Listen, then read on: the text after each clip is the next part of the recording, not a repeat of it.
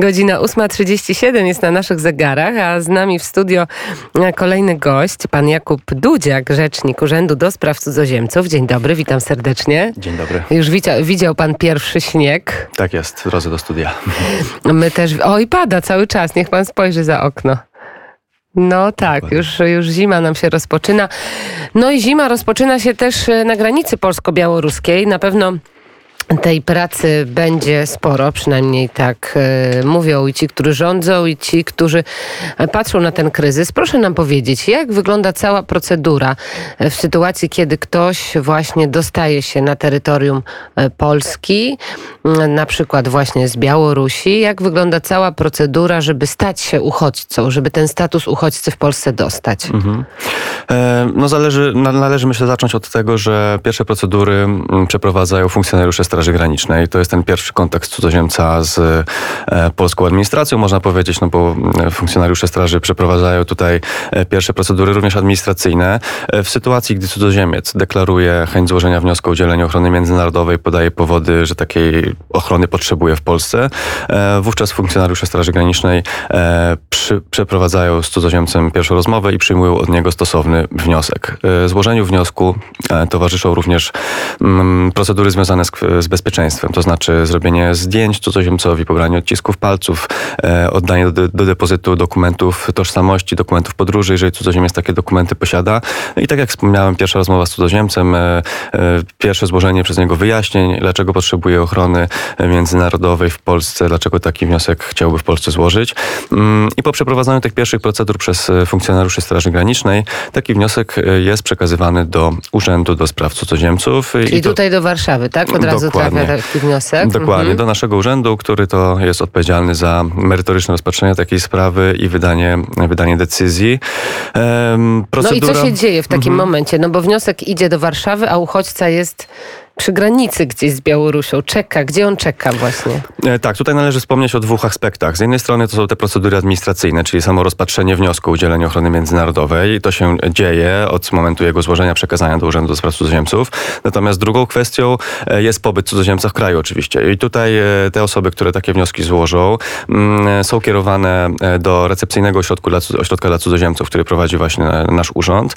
I w tymże ośrodku również przechodzą pierwsze procedury medyczne, jest sprawdzany ich stan zdrowia e, i e, mogą rozpocząć korzystanie z pomocy socjalnej, którą urząd e, zapewnia cudzoziemcom właśnie w trakcie procedury udzielenia ochrony międzynarodowej. A więc w trakcie rozpatrywania wniosku cudzoziemiec może korzystać z pomocy socjalnej naszego urzędu. Ta pomoc również jest dwojaka. Z jednej strony cudzoziemiec może korzystać z zakwaterowania w ośrodku dla cudzoziemców. Tam oczywiście zapewnione zakwaterowanie, wyżywienie, opiekę medyczną, możliwość rozpoczęcia nauki języka polskiego między innymi, e, lub też może e, korzystać e, z pobytu poza ośrodkami, jeżeli chce, jeżeli ma takie możliwości. Wówczas otrzymuje pomoc finansową od urzędu na pokrycie kosztów pobytu w kraju do czasu wydania decyzji w jego sprawie, bo należy pamiętać, że to jest ten pierwszy no okres tymczasowy jego pobytu w Polsce. I teraz najważniejsza sprawa. Ile wniosków takich o status uchodźcy otrzymali Państwo stricte z granicy polsko-białoruskiej. Łącznie w tym roku e, wnioski o udzielenie ochrony międzynarodowej złożyło 6700 osób. E, w, natomiast to nie są tylko i wyłącznie wnioski złożone na granicy e, polsko-białoruskiej. E, takich szczegółowych statystyk niestety nie, nie, mogę w tym momencie podać. Ale to jest kilka tysięcy ludzi, czy nie? Czy mówimy o setkach?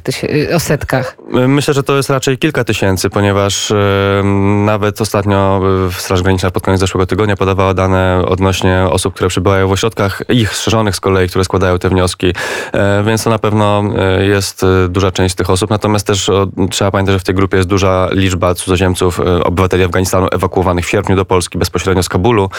Są tutaj też obywatele Białorusi, prawie 2000 osób w tej grupie.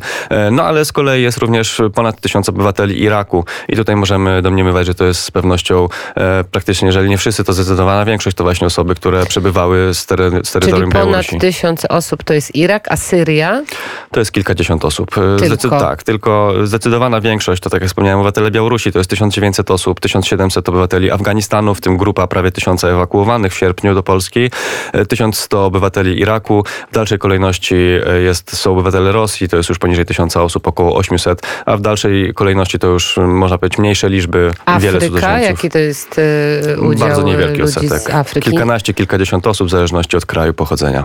No i dobrze, i taki wniosek jest złożony złożony. Jaki jest termin oczekiwania? Bo to jest chyba najbardziej ważna informacja. Tak, a więc po złożeniu wniosku cudzoziemiec może rozpocząć e, korzystanie z pomocy socjalnej urzędu, e, ażeby móc spokojnie przebywać w Polsce do czasu wydania Ile decyzji. dostaje pieniędzy miesięcznie taki uchodźca? E, To zależy od sytuacji. To znaczy, jeżeli przebywa e, poza ośrodkiem, to zależy od, od sytuacji rodziny, to znaczy ile osób jest w rodzinie. To jest No od, tak- 1000, od 1500 do 750 zł miesięcznie.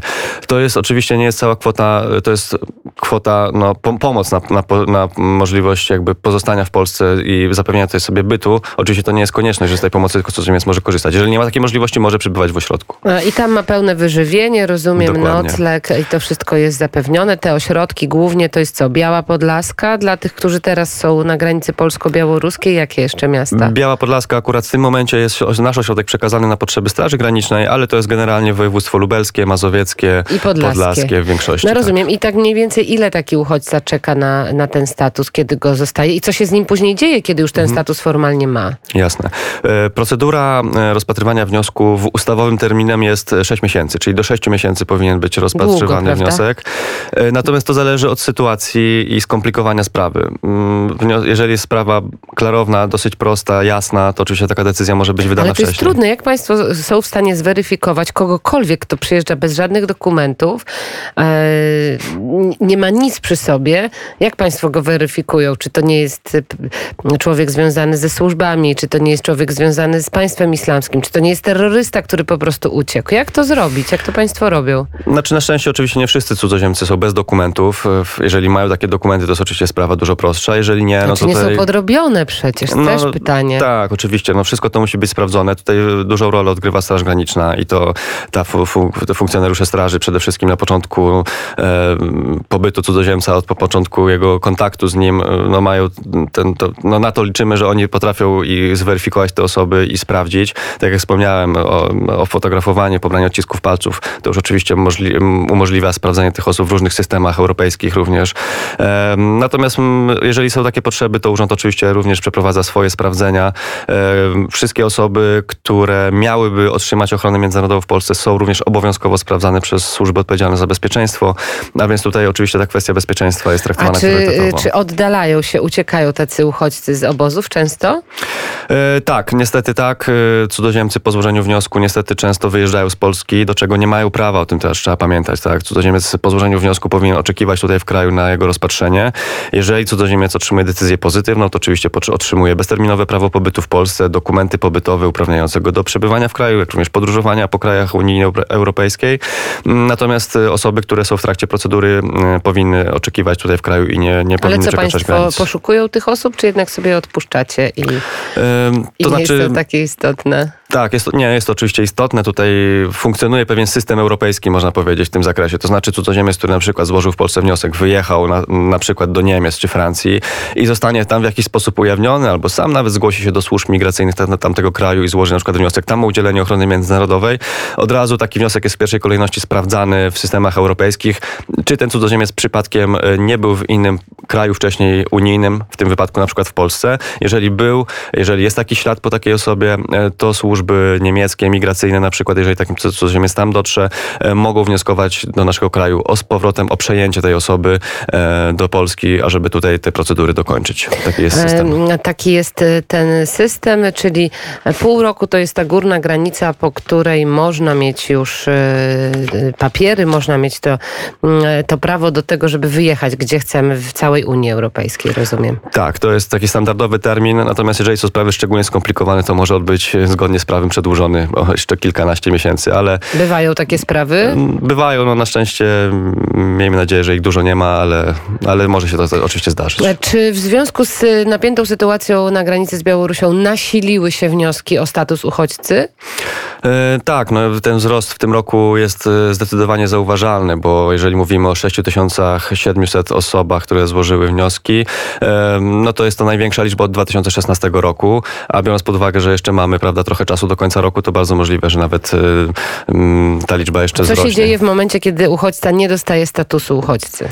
Jeżeli nie spełnia warunków przyznania ochrony międzynarodowej, a więc nie grozi mu prześladowanie lub zagrożenie dla zdrowia Czyli lub jest życia. emigrantem ekonomicznym. E, Na przykład, jeżeli pobudki te po, po przyjazd do Polski są na przykład ekonomiczne, otrzymuje decyzję negatywną i powinien wy- opuścić Polskę, wrócić do swojego kraju pochodzenia. A jak jeżeli, ma wrócić, jak nie ma pieniędzy, nie ma dokumentów, nie ma nic? jeżeli nie może tego zrobić, wówczas mogą być wszczęte procedury deportacyjne i taki powrót do kraju może być zorganizowany przez państwo. Zdarza się to często.